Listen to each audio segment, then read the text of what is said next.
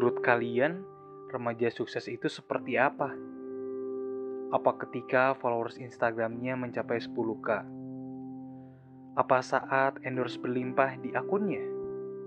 Atau ketika TikTok miliknya viral di sosial media? Kalau itu menurut kalian, maaf, aku tidak sependapat dengan itu semua.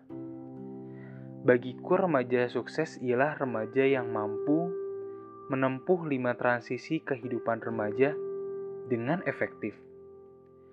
Mempraktikkan hidup bersih dan sehat, melanjutkan pendidikan, memulai berkarir, menjadi anggota masyarakat yang baik, serta membangun keluarga yang berkualitas.